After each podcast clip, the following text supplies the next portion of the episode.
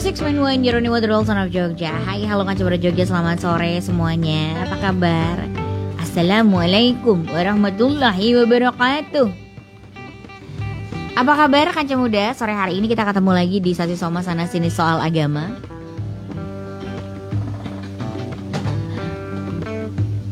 Sebentar ya Kita hari ini ketemu kaca Jogja Dan ini kayaknya wow sekali karena apa? Kita udah tinggal beberapa hari lagi. Seminggu ya Pak Ustadz. Tinggal seminggu lagi kan coba di Jogja kita akan uh, apa namanya akan merayakan Lebaran. Nah, Tolong. Kok kan anu gitu ya Mas. Pikirannya oke no. Antara harapan dengan kenyataan ki tidak. Puasa anu. urung wis Lebaran. Oh, kita ya, akan gitu. merayakan Lah satu ini, ini, satu ini perusahaan puasa ini kayak gini nih. Belum masuk puasa udah mikir lebaran Mas Teh. Kan otaknya THR nanti. Iya kan bisa mudik katanya ya kan. Ya. Baik kaca muda. Jadi saya langsung masuk karena penyiarnya baru kurang fokus ya. Enggak, enggak. Kan serius. Kita Jadi akan masuk ke bulan yang luar biasa kan yang muda bulan Ramadan gitu yang Gak kerasa ya kita udah nyampe bulan Ramadan lagi dan kita mau ngobrolin soal temanya adalah puasanya begitu-gitu aja. Hmm? Ya, puasa kali ini kita harus beda kaca muda. Bedanya gimana Pak Ustadz? Ya, maksudnya Tarawehnya lebih banyak, jadi gini. puasanya lebih panjang. Terus terang ya. Kalau sahabat itu setiap menjelang akhir Ramadan selesai selalu Mhm. menangis. Karena dia merasa apa yang telah dilakukan Ramadan itu waktu itu itu kurang maksimal. Padahal mereka itu sudah nggak pernah tidur kasarannya. Kamu bayangin ya. Jadi mereka itu sudah nggak pernah tidur dalam artian ya tidurnya sedikit lah. Amal sholatnya dipol-pol. Kayak aja masih merasa menyesal. Lah kita itu puasa separuh harinya ngabuburit gitu kan. Ngabuburitnya nggak baca Quran loh ya. Nggak dengerin sasi soma, nggak dengerin yang baik-baik, tapi ngabuburitnya pacaran. Mhm. Ngabuburitnya kemudian di jalan-jalan liatin hal-hal yang negatif gitu kan. Tidur itu kan ngabuburit yang nggak nggak positifnya. Maksud saya harus beda itu gini Mbak Ella. Kalau puasa itu sampai nggak ada nilai tambahnya sama sekali dalam kehidupan kita, Mhm. nggak ada daya perubahan, nggak ada daya penghapusan dosa, nggak ada daya untuk kita lebih dekat dengan Allah, maka sesungguhnya kita sedang mengganti jadwal makan. Bukan Ramadan, dia hanya mengganti jadwal makan. Yang tadinya makan pagi itu harus dilakukan jam 7, 8, 9, sekarang dilakukan jam 3, setengah 4. Gitu aja. Yang tadinya makan siang itu dilakukan jam 12, ini digeser agak mundur ke jam setengah 6, jam 6 sore gitu loh. Mhm. yang tadinya makan malam itu adalah biasanya jam 7 ini habis tarweh. Jadi makannya tapi tiga kali mbak Ella. Jadi polanya nggak berubah. Jadi dia nggak puasa hanya mengganti jadwal makan. Mhm. itu kalau puasanya betul-betul hanya nggak makan mbak Ella. Maka tolong dihindari. Kita harus luruskan niat dulu mbak Ella sekarang. Kamu puasa tahun ini mau apa targetnya ingat perlombaan motor GP misalnya tanpa target nggak mungkin dia berhasil. Misalnya harus ke babak final harus sampai podium gitu kalau motor GP kalau kita nggak ada target yang mau dituju di Ramadan ini ya kita gitu-gitu aja akhirnya. Mhm. kita harus punya target ya. Jadi harus ada targetnya harus ada. Oke lima hal yang membuat puasa harus beda Mbak Ella. Oke lima hal Mbak Ella yang pertama adalah niat kita puasa untuk apa sekarang? Nah jadi luruskan niat dulu. Karena banyak orang puasa itu aku cuma gugur kewajiban kok. Ini kan kalau nggak puasa kan dosa neraka. Hmm, jangan. Puasa itu kita niatkan adalah kata Allah puasa itu untukku maka aku sendiri yang akan turun tangan memberikan pahala. Berarti kalau puasa itu untukku berarti puasa ini untuk Allah gitu loh. Ya. Jadi dedikasinya untuk Allah. Kalau untuk Allah pasti kita yang terbaik. Kita nggak mau dong pas puasa kita ngerasani. Kita nggak mau dong pas puasa kita marah-marah. Kita nggak mau dong pas puasa kita diajak hal-hal yang negatif. Karena untuk Allah bukan untuk mereka orang-orang itu. Bukan untuk siapa pun kecuali untuk Allah. Karena puasa untuk Allah itu berikan yang terbaik gitu loh. Berarti apa? Puasa yang terbaik itu lakukan puasanya dengan maksimal. Jadi niat kita puasa itu sekarang harus dirubah. Asik puasa iso rada kuru, sudah salah itu. Mhm. Jadi kalau kamu puasa sudah mau niatnya wah rada kuru ki lumayan, diet ini. Hmm, hati-hati. kurus pahalanya bisa berkurang bergeser gitu Pak. Mhm, mhm. Ada lagi asik poso THR itu nama itunya THR juga beda. Jadi puasa itu betul-betul untuk Allah. Jadi kamu nggak usah mikir di luar Allah gitu loh. Kalau itu untuk Allah, namanya saja Allah dikasih persembahan puasanya, maka Allah itu menggaransi. Kamu nggak usah mikir masalah Ramadan. Ramadan akan aku buat rezekinya melimpah kata Allah. Mhm, mhm. Coba, mohon maaf saya tanya, mana ada Ramadan kemudian duitnya semakin sedikit, malah banyak semua. Siapa bilang Ramadan lebih ngirit? Enggak, lebih boros pasti. Stok makanannya lebih parah daripada di luar Ramadan. Enggak percaya kalkulatifan duit-duit yang mau belama Ramadan sama duit se- sebelum dan setelah Ramadan lebih banyak di Ramadannya. Keluar uangnya. Iya. Semua warung laris, semua resto laris, full book, sampai all you can eat hotel-hotel itu kadang-kadang sampai kita nggak nggak nemu jadwal karena sudah saking kebaik. Itu kenapa? Itu berarti kan Allah kan kalau Allah nggak ngasih rezeki itu nggak pak nggak payu semua lah. Mhm. Parselnya nggak laku, restonya nggak laku, warungnya nggak laku, pasar-pasar sorenya itu nggak laku semua. Tetap ada yang laku kok. Gitu loh. Jadi apa? Ya bisa semua dapat. Allah berjanji kok. Engkau nek Ramadan rezekinya tak akai. Jadi biar kita nggak usah mikir. Mhm. Kita mikirnya apa? Puasa ini untuk Allah. Allah. Nawa itu sama wadin Amin. lillahi ta'ala. Nah, kalau lillahi ta'ala ini sudah karena hanya untuk Allah, kamu sahur ya bangun, semua ya bangun, oke? Nomor satu niatnya dilurusin dulu deh, jangan untuk macam-macam. Karena niat itu mempengaruhi segalanya, termasuk pahala yang akan didapatkan. Man soma Ramadan iman walisaban hubi rahmatakan min dambi. Orang kalau puasa oleh Allah diampuni semua dosanya. Kalau dia benar puasanya. Mhm. Nah, jadi niat yang benar itu puasanya benar nanti insya Allah. Satu adalah niat dulu diluruskan, oke? Nomor dua, kalau sudah niat diluruskan adalah yang kedua adalah lakukan puasa sesuai syariat. Hmm, Apa ada Ustaz? Puasa nggak sesuai syariat? Banyak. Hmm. Waya buka ora buka-buka, udut tok. Buka itu harus diomongkan, harus di jadi udut boleh, ngerokok boleh, tetapi ketika buka puasa itu wajib segera membatalkan. Kalau kita nanti-nanti makannya, yang terjadi adalah kalau tidak hati-hati, maksudnya makan itu tidak harus makan besar Mbak Ella, tapi harus diisi dulu. Karena lambung kita itu ternyata sudah disetting sama Allah, maksimalnya ada angka maksimalnya, gitu loh. Sahur ya kamu sahur. Jadi kalau kita mau standar puasanya ya, artinya sesuai syariat itu berarti Anda niat setiap malam atau di pagi harinya Anda melaksanakan sahur dengan tidak melalui batas waktu yang ditentukan. Batas waktunya adalah azan subuh. Berarti kalau cuma imsak masih boleh makan, masih boleh minum. Ya, jadi bukan imsak terus berhenti, enggak, dia masih Mhm. boleh. Yang nggak boleh itu kalau sudah ada dia harus berhenti. Oke ya.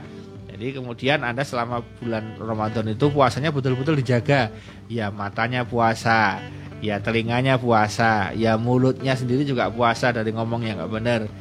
Ya bibirnya itu puasa, tangannya juga puasa, kakinya juga puasa, pikirannya puasa, hatinya puasa. Betul-betul Anda hanya fokus seperti entung.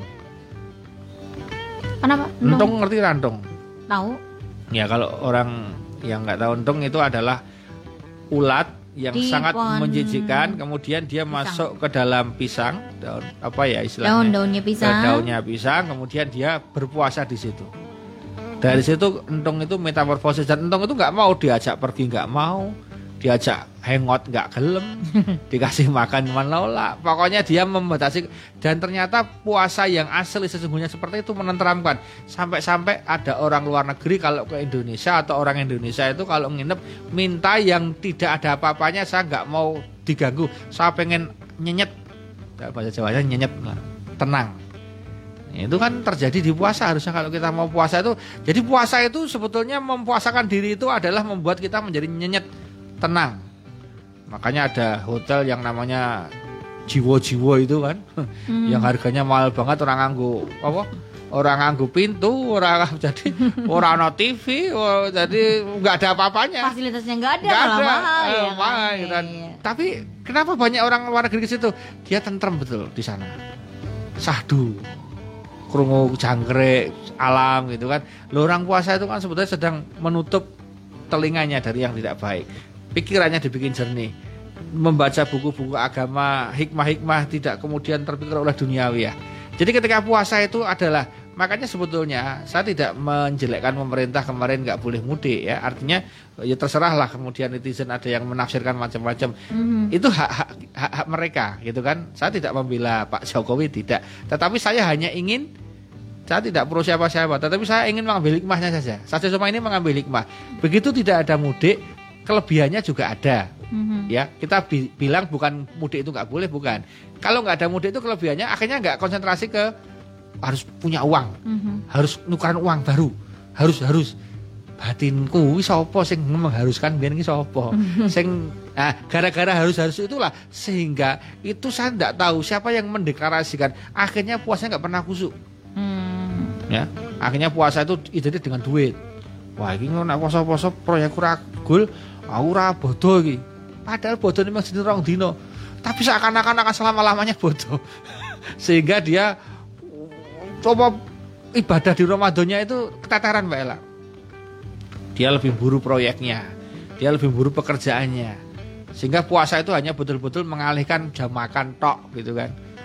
Tarwehnya nggak ada Ya, itikafnya nggak ada. apa? Buka puasa dari satu ya hotel lain. ngajinya nggak ada wirid dikirnya nggak ada. Ya.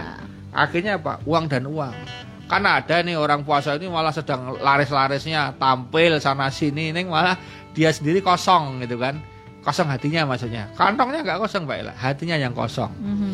gitu kan. Jadi yang lain sibuk ngejar. Makanya saya sebagai ustadz ketampar sebetulnya pak ustadz. Wah pak ustadz ini poso proyeknya akeh duitnya akeh. Hmm, Pak Ustadz ngisi terus loh ke mana-mana. Walah. Ibadah tuh Pak Ustadz. It- itu saya iri. Pengen kayak Gusmus mbak Ella Kenapa Pak Ustadz? Gusmus itu keren begitu puasa dia diminta untuk keluar dari pondok ndak mau dia.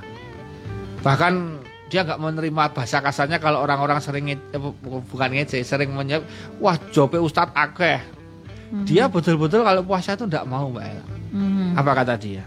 Allah udah ngasih rezeki banyak di luar Ramadan. Masa aku masih Ramadan masih tak kotori dengan seperti itu lagi? Sudah Ramadan aku di pondok pesantren aja. Aku untuk lillahi ta'ala. Jadi dia bagus mbak Ella. Meng-off-kan itu untuk lillahi ta'ala aja karena dia di luar Ramadan sudah laris gitu Banyak, kan. Nah itu ya, itu ya. itu keren itu pengen ditiru walaupun Ya, belum ya. bisa. Tetapi mengarah ke sana. Artinya apa? Sehingga ketika kita lurus lillahi ta'ala itu itu menjadi lebih enak gitu kan. Sehingga lebih enak kita eh, ada gambaran-gambaran terhadap apa yang mau dikerjakan selama bulan suci Ramadan gitu kan. Jadi secara syariat puasa diperhatikan. Menu puasa menu menu bukan menu buka ya menu yang terbaik sahur itu kayak apa. Jadi dia membuat sahurnya bahagia enak berkualitas sesuai syariat sehingga dia kuat puasa satu hari penuh. Ingat loh ya tentara-tentara Islam itu perang juga pas puasa. Menang dia. Mhm. lihat Arab anyep po apa kayak AC gini enggak panas padang pasir dia. Kuat kuat lah puasa. Makanya kalau ada orang nggak kuat puasa itu sebetulnya bukan nggak kuat fisiknya lah nggak kuat imannya Hmm. banyak kalau suruh fitness kuat begitu kerja proyek dari pagi keluar rumah nggak makan sampai sore kuat begitu hanya puasa nggak kuat Hmm. gitu kan jadi ini masalahnya bukan masalah kuat fisiknya kuat imannya Kuat niatnya juga. kuat niatnya juga Iya. jadi jadi secara syariat tolong itu dipelajari agar puasanya beda itu kalau kemarin puasa tinggal puasa aja sekarang yang membatalkan puasa yang memakruhkan puasa yang membuat puasa jadi banyak pahalanya dia ngaji tuh jadi biar beda makanya tadi niatnya sudah benar yang kedua puasanya harus sesuai syariat, Syariat. itu yang Oke. kedua Dua. Nanti kita lanjutin lagi. Pak Ustadz. Nanti kita akan balik lagi buat Kanca Jogja yang dengerin lewat streaming bisa lewat Jogja Streamers, eh, Noise, video atau di www.journeymuda.fm dan kita juga live seperti biasa di Facebooknya Ustadz Munif Tauhid. Jadi stay tune terus Kanca Muda di sesi sama sana sini soal agama nanti gabung lagi setelah beberapa yang melewati. Ini dulu ya Kanca Muda Jogja. Lanjut Pak Ustadz, kalau tadi kita temanya nih Kanca Muda buat ngingetin kamu adalah lima hal yang bikin puasa kita kali ini beda beda gitu loh. Yang pertama adalah niat nih kanca muda niat ini harus kuatin makin dikuatin gitu kanca muda. Yang kedua puasanya sesuai syariat. Gimana tuh Pak Ustadz? Ya sudah saya terangin tadi kan dari Hmm. sahurnya sampai dengan dia sahur kembali itu kan ada random yang nggak boleh tersesat, yang Mhm, keliru, yang ketinggalan, yang nggak bener itu nggak boleh misalnya kan gitu. Itu kamu belajar aja lah fikihnya sudah ada di situ fikih puasa gitu aja. Ya, nanti udah banyak ilmunya itu. Yang ketiga. Yang ketiga adalah kalau kamu sudah niatnya sudah benar, syariatnya sudah benar, yang ketiga adalah jaga stamina ibadah. Karena biasanya di minggu awal tuh mereka gebernya luar biasa, ngajiknya langsung per hari satu jus gitu kan, tapi setelah itu turun. Jadi lebih baik stamina. Jadi berislam itu, beramal soleh itu seperti orang yang motor GP itu yang menang itu bukan orang yang buanter di awal, tetapi orang yang konsisten nggak jatuh-jatuh itu tadi. Hmm. Buat apa buanter tapi jatuh? Lebih baik dia terakhir tapi nggak jatuh-jatuh sampai sampai finish dia dia Betul, sendirian gitu iya. kan. Namanya istiqomah lah gitu. Jadi ketika yang ketiga itu adalah jaga stamina ibadah. Kenapa? Karena eh, puasa itu physically, Maila. Physically 100% physically amalnya. Gimana physically? Loh, physically itu artinya? Loh, puasa itu intinya adalah awak loh Mbak Ella. Mhm. Nggak makan, nggak minum, Ya, body, ya. oke? Habis itu makan sebentar, sholat maghrib, body lagi, ya oke? Habis maghrib kemudian kemudian kita mungkin ngaji body lagi. Hmm. Tunggu-tunggu sebentar kemudian isya. Habis isya tarweh 11 rakaat Badan 20 lagi badan ya. lagi. Ya, ya, betul. Habis itu ngaji body lagi Mbak. Malam ada pengajian body lagi itu. Nanti malamnya tahajud atau mungkin ketika body lagi Mbak Ella. Jadi 30 hari itu kalau tidak bisa menjaga fisik dengan baik bisa tumbang Mbak Ella. Nah makanya fisik itu diperhatikan betul selama Ramadan. Jadi stamina ibadah itu yang saya maksud adalah lakukan tidak dengan apa Mbak Ella. Bukan nggak boleh semangat Mbak Ella. Tetapi orang banyak misalnya gini Mbak Ella. Yang sering kejadian nih hari pertama, ya kan?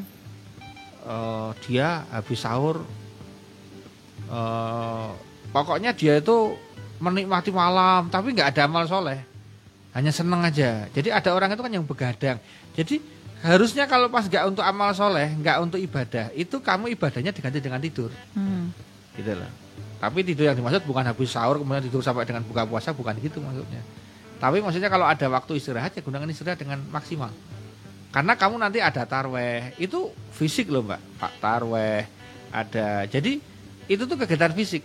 Karena kegiatan fisik itu stamina jaga. Kenapa? Kalau enggak drop, capek, gitu kan. Nah stamina ibadah yang saya maksud adalah jangan digeber di awal di awal ngajinya panjang sekali ngajinya cukup mungkin beberapa ruko atau beberapa lembar tapi rutin tiap habis subuh tiap habis tarweh. Itu rutin subuh tarweh subuh tarweh subuh tarweh. Jadi memba- membuat konstannya itu yang penting Pak Ella Mhm. ketika puasa ini bisa membuat kamu konstan kamu enak ritmenya ket- ketemu.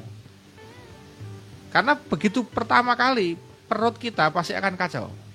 Badan kita nggak enak. Kenapa? Karena sedang ada penyesuaian regresi. Dari yang tadinya pagi diisi makan nggak diisi makan. Mhm. dari yang tadinya siang makan nggak makan. Dari sore makannya malam diganti agak sore. Itu berubah. Ginjalnya berubah ususnya berubah lambungnya berubah sistem pencernaan berubah sistem peredaran berubah akhirnya apa moodnya berubah imannya berubah sehatnya berubah jadi dari situ tuh kemudian banyak kumparan yang luar biasa Hmm. ya kan? Nah, maksud saya adalah jaga stamina itu artinya apa? Petinju itu yang menang bukan langsung duantel mm, jeblok gitu bukan. Kalau ketemu orang yang stamina-nya bagus, dia malah habis tenaga ganti diajar, Mbak Ella. Jadi pinter-pinternya juga untuk mengunci tenaga ini, Mbak Ella. Ingat sepak bola itu lama, Mbak Ella. Ya, 40 menit kali dua kan? 90 menit kan dia. Nah, posisinya seperti itu kan dia harus tahu stamina itu pelatihnya kan kapan dikeluarkan kapan begini jadi pinter-pinter ngulur sampai dengan 30 hari itu Mbak Ella karena justru Mbak Ella yang nanti sangat dibutuhkan stamina itu 10 hari terakhir Mbak Ella Mhm. karena 10 hari terakhir itu betul-betul bahasa kasarnya Mbak tidurnya sedikit Ya, Rasulullah dan para ada sahabat iktikaf tidurnya gitu sedikit ya. jadi betul-betul misalnya kita ambil contoh misalnya dari pagi subuh kita sudah aktivitas sampai dengan tarweh Mbak Ella habis tarweh pulang sebentar itu paling banter ya kan sekarang jarang menemui jam 8 tidur itu jarang Mhm. rata-rata kan tidur bisa jam 10 baru tidur kalau bulan Ramadan loh ya. Kadang tahdusan dulu kan jam 10 setengah 11 nanti jam 1 jam 2 udah bangun lagi Mbak Ella. Itikaf satu jam kemudian sudah langsung sambung sahur Mbak Ella sang subuhan. Itu betul-betul kita temui banyak orang ketika pagi itu geletak Mbak Ella. Capek itu wajar. Nah jadi ini pinter-pinternya mengelola badan mengelola tubuh gitu kan. Stamina-nya dijaga. Jadi amal soleh itu lebih bagus pelan tapi terus sampai tujuan. Konsisten ya. Daripada buanter tapi kemudian mandek. Futur namanya dalam agama itu futur. Futur. Futur Oh, itu akhirnya Iya mas Dek kok ora ning masjid nih? Selaku ngaji terus Bosen. aku sentak anu ini sentak telung jus ya aku. Wis telung jus jus apa? Jus apokat gitu. kesel aku Wah, gitu kan. Oke. Itu stamina-nya itu yang luar biasa. Makanya sama dengan ketika umroh mbak Ella ketika umroh itu dipersen sama biasa pembimbing itu stamina-nya dijaga karena banyak orang hari pertama ke masjid nggak mau pulang gitu kan ya pulang ke hotel gitu kan kemudian nanti jadi yang paling penting itu bukan tidur di masjidnya kamu pulang ke hotel tidur itu untuk memulihkan energi Mhm. jadi ketika kamu sholat itu sholatnya nggak ongap-angop gitu. Ketika kamu sholat itu nggak ngantuk, nggak capek, nggak gelir gitu Mbak Ella. Maksudnya itu. Buat apa kita ibadah sampai kita gelir itu namanya nggak ibadah tuh Mbak Ella. Mhm. Kurang maksimal kan. Jadi biar fresh gitu kan.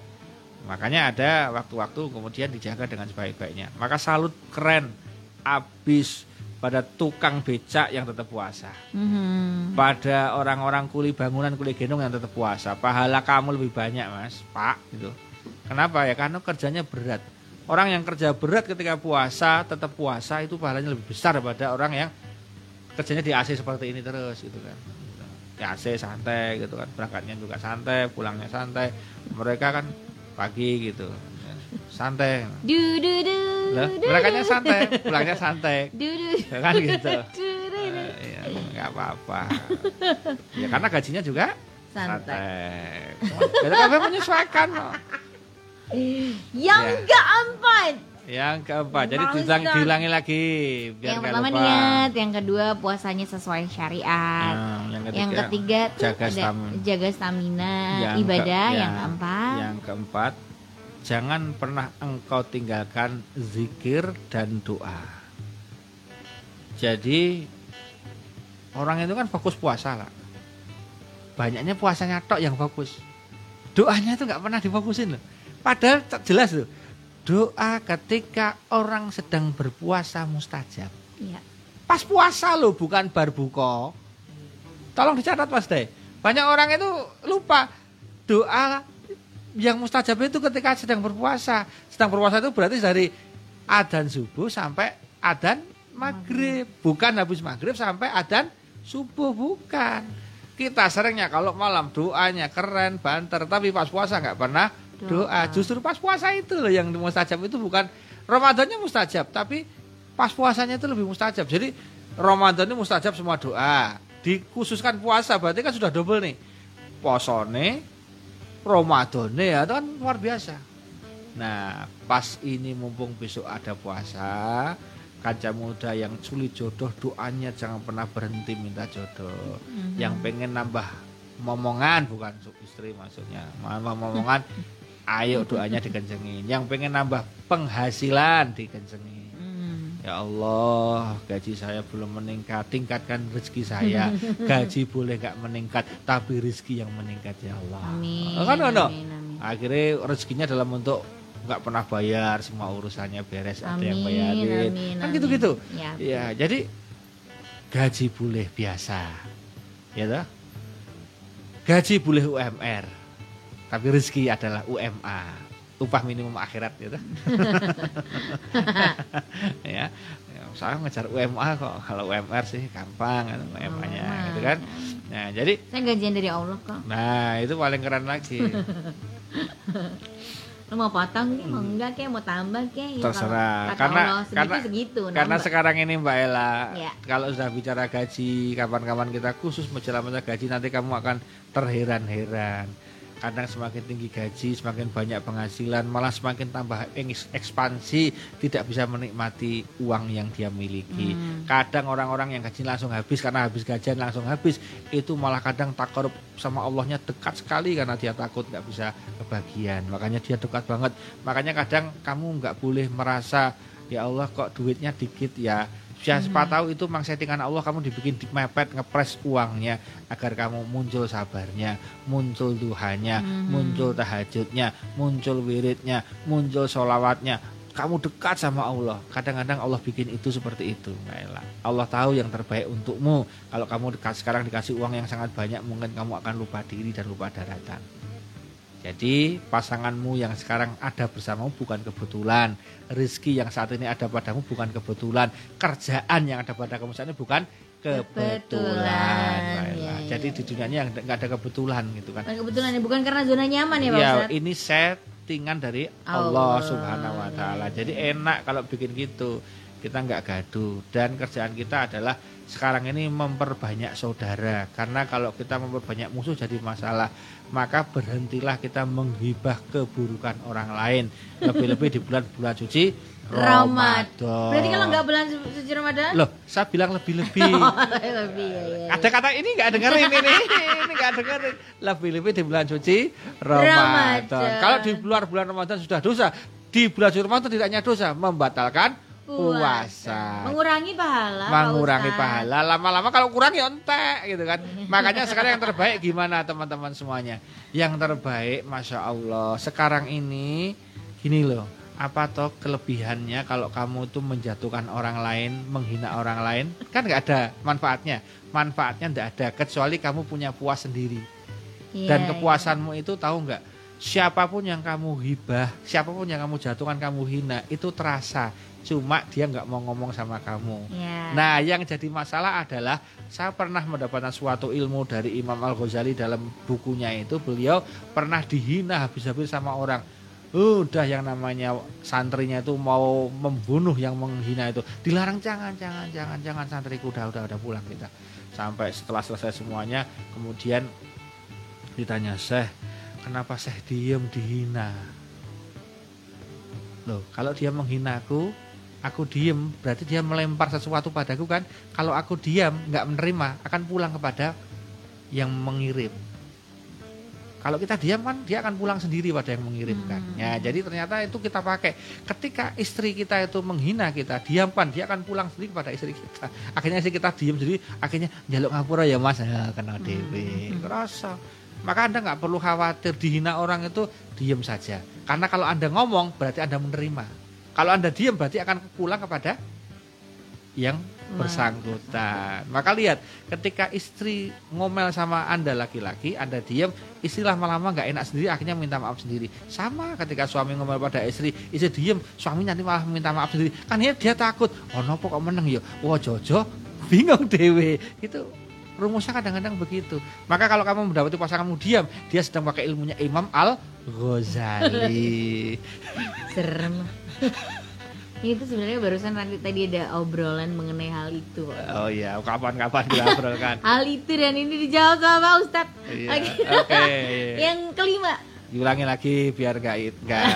Lo diulangi review boleh, boleh, satu. Boleh. Lima hal yang bikin puasa kita kali ini beda. Yang hmm. pertama adalah niat kan muda. Luruskan niatnya. Luruskan niat. Yang kedua adalah puasanya sesuai syariat. Sesuai syariat. Yang ketiga jaga stamina ibadah. Yes, yeah. Yang keempat jangan pernah engkau tinggalkan zikir dan doa. Ya, zikirnya tadi asyhadu alla ilaha illallah astagfirullah as'alukal jannata wa a'udzubika minar Allahumma innaka afuwwun berapa? Fa'fuani. Terakhir. Fokus di Lailatul Qadarnya jangan sampai ketinggalan 10 hari terakhirnya biar beda tahun ini. Kita maksakan diri itikafnya lebih lama lebih serius. 10 hari terakhir jangan jujuk malam-malam ganjil. Saya berdoa mudah-mudahan besok masuk puasanya beda. Hah? Kenapa maksudnya? Biar malam ganjilnya nggak ada, semuanya genap atau ganjil, syukur. Jangan versi, disa, jangan salah kutip loh ya. Versi pemerintah. Ya, pokoknya mudah-mudahan beda gitu. masuknya. Kalau beda saya senang kenapa? Ganjil apa maksudnya? Oh, kabeh ganjil kabeh genep. Terserah mau ganjil. Terserah. mau ganjil Berarti apa nek kowe enggak. melewatkan 10 hari terakhir, kamu milih salah satu, kamu masih gak kena. Iya iya iya iya benar benar. Oh, iya. Kalau misalnya pemerintah Jo tanggal Ya, sekarang dua, lah ini ini nanti sekarang Muhammadiyah Ya, ya, saya- saya- atau saya- apa saya- tanggal saya- berapa gitu ya, ya? Gini gini gini. Saya jelaskan dulu. Ini saya sesama sekarang serius. Tadi Gojek tapi bener. Ini sekarang serius. Jika besok pemerintah pada hari Jumat tanggal 1 sidang isbat mengatakan tidak terwujud hilal, tidak diketahui hilal, maka saat digenapkan 30 hari, maka pemerintah akan puasa pada hari Ahad. Oke, tiga tanggal tiga ya. Ya, Muhammadiyah melalui sistem hisab sudah memutuskan akan puasa tanggal 2 hari Sabtu. Gimana Ustadz? Yang terbaik versi saya semua adalah kamu mantep salah satu.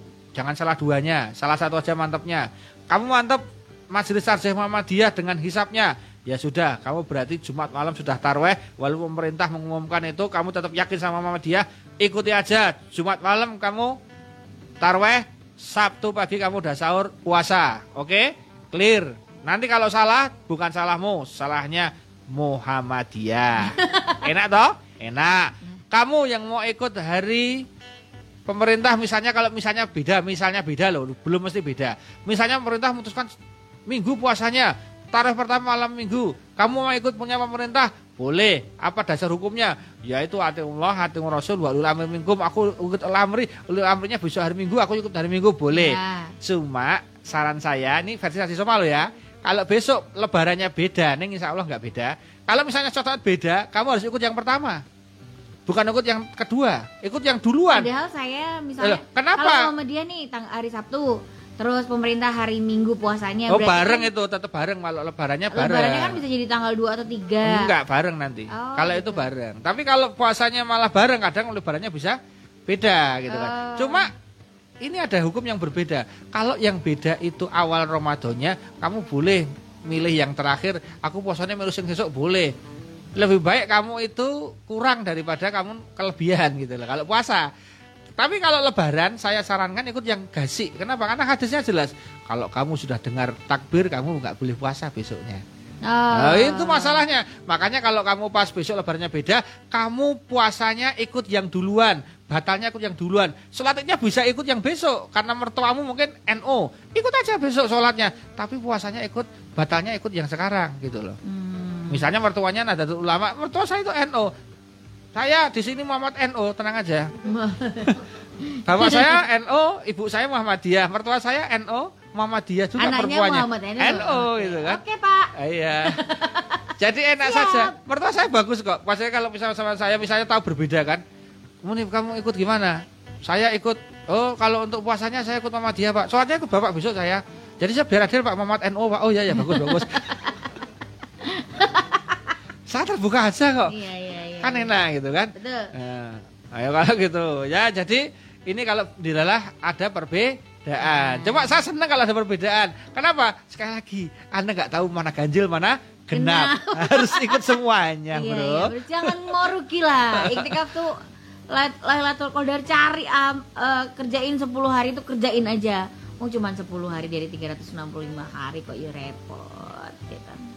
Kecuali lagi dapat. Lagi dapat tapi kan ada ibadahnya juga Oh boleh. boleh. Besok kita bahas di satu sama Ramadan. Oke minggu depan nih Kaci juga kayaknya kita udahan dulu Itu tadi Iya. udah kita kasih 5 hal yang bikin puasa kita kali ini beda Terus eh Kaca Muda kalau ketinggalan bisa dengerin lagi lewat eh tadi beberapa platform dan kita punya Oh no, kita punya podcast Sasi Soma nih Kaca Muda Iya. Kaca Muda bisa lihat di situ atau follow aja Facebooknya Ustadz Munif Taucid ya T A U C H I D ya kan Kaca Muda di situ Kaca Muda bisa dengerin lagi uh, tausiah kita siang sore hari ini gitu Kaca Muda.